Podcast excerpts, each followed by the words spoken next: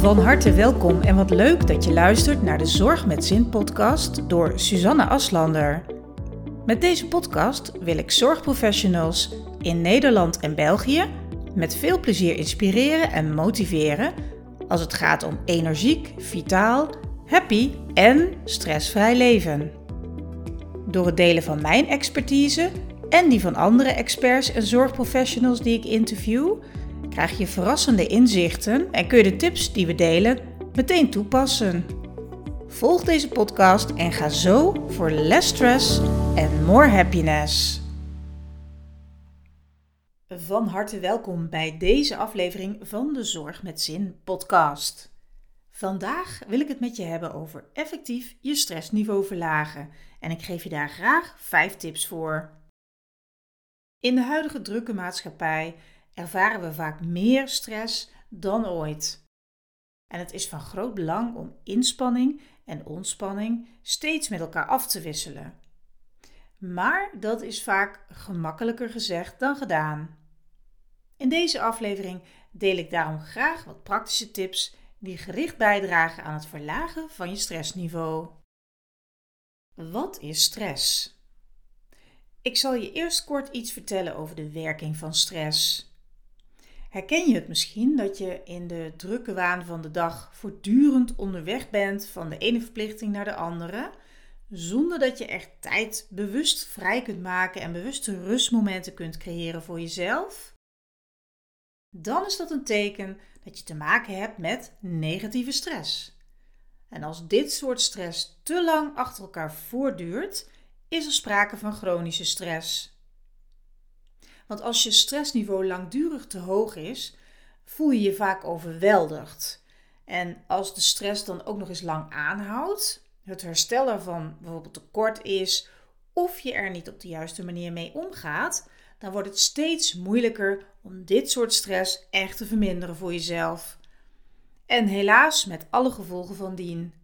Denk aan lichamelijke en mentale klachten, burn-out of zelfs depressie. Hoe eerder je dit bij jezelf herkent en hoe eerder je actie onderneemt, hoe sneller je weer de balans terugvindt en zo je chronische stress vermindert en daarmee natuurlijk ook erger kunt voorkomen. Wist je trouwens dat stress helemaal niet slecht voor je is? Positieve stress, dus de gewone stress, is juist heel goed voor je. Het verscherpt je aandacht en het bevordert je productiviteit. Dit soort stress heeft dus eigenlijk alleen maar voordelen. Maar zodra je langdurig stress ervaart, dan wordt het een ander verhaal en dan is het echt tijd om er iets aan te doen. Tip 1. Erken en aanvaard je stress. De basisvoorwaarde om met stress om te gaan is dat je de toestand als zodanig voor jezelf echt erkent. Veel mensen maken zichzelf wijs dat er niets aan de hand is, ook al voelen ze al lang een overbelasting die zich bijvoorbeeld kan uiten in ja, mentale of fysieke klachten hè, zonder medische oorzaak. Het is niet erg om toe te geven dat bepaalde situaties of periodes in je leven stressvol zijn. Denk aan uitdagingen op je werk, eh, je thuissituatie of sociale verplichtingen zoals mantelzorg. Er is niets mis mee om het toe te geven en om het ook te delen als je overweldigd bent door stress. Stress overkomt namelijk iedereen wel een keer. En de situatie erkennen, aanvaarden, maar vooral ook hè, het met anderen delen, is de eerste stap naar een gezonde benadering van stress. Want weet dat het delen van je gevoelens je al meteen enorm oplucht. En dan gaat er ook al echt een deel van je stressgevoelens, uh, ja, verdwijnt daarmee. Tip 2. Blijf in contact. Een prettige sociale omgeving helpt je enorm bij het verminderen van je stress. Daarbij is het wel belangrijk dat je aangeeft wanneer je last hebt van stress. Mensen voor wie je ja, je met een veilig gevoel kunt openstellen, die kunnen je namelijk helpen om je stress te verminderen. En zoals ik al eerder benoemde, alleen al door erover te praten ga je minder stress ervaren. Helaas is het zo dat veel mensen in stressvolle tijden juist minder sociale contacten hebben, terwijl je die juist zo nodig hebt op dat moment. En vaak heb je daar op dat moment geen zin in of je bent gewoon te moe. Maar maak desondanks, ondanks de drukte en je vermoeidheid, toch hier en daar bewust tijd vrij voor de mensen die een luisterend oor hebben. Of mensen waar jij energie van krijgt. Want door met die mensen af te spreken en met ze te praten over je stress, maak je een mooie start om de stress die je ervaart te verminderen. Tip 3. Geef niet toe aan ongezond voedsel bij stress. Ja, wie kent het niet? Het gesnaai en het gesnoep en de behoefte aan al dat soort voedsel op het moment dat je stress hebt. Alleen een goed gevoed lichaam kan goed omgaan met verhoogde stress. En helaas is het vaak je voeding die er het eerst onder lijdt als je gestrest bent. Afhankelijk van het type mens eten we bij langdurige stress vaak te veel of juist te weinig, te ongezond en meestal sowieso veel te snel. En dan kom je al gauw terecht in een visieuze cirkel van stress en slechte voeding. Want de ongezonde voeding die leidt ook weer tot een hoger stressniveau, ook in je lichaam. Daarnaast word je sneller prikkelbaar en je ervaart concentratieproblemen. Ook vertraagt je spijsvertering en stijgt je bloedsuikerspiegel. En dat alles gebeurt door de stresshormonen. Daarom is het zo belangrijk om bij stress niet toe te geven aan het verlangen om suikerrijk en vet voedsel te eten. Kies in dit soort situaties juist voor gezonde voeding. Denk aan groente of fruit. En voeding ja, met goede vitamines en mineralen die op een positieve manier kunnen bijdragen aan het verlagen van je stressniveau. Tip 4. Doe aan gerichte lichaamsbeweging tegen stress. Lichaamsbeweging is een bijzonder effectief middel om stress te verminderen. Het is namelijk echt een stresskiller en het houdt ook meteen je lichaam fit. En je hoeft hiervoor helemaal geen zware inspanningen te leveren. Integendeel. Het allerbeste wat je kunt doen is rustig joggen. Dus zonder buiten adem te raken.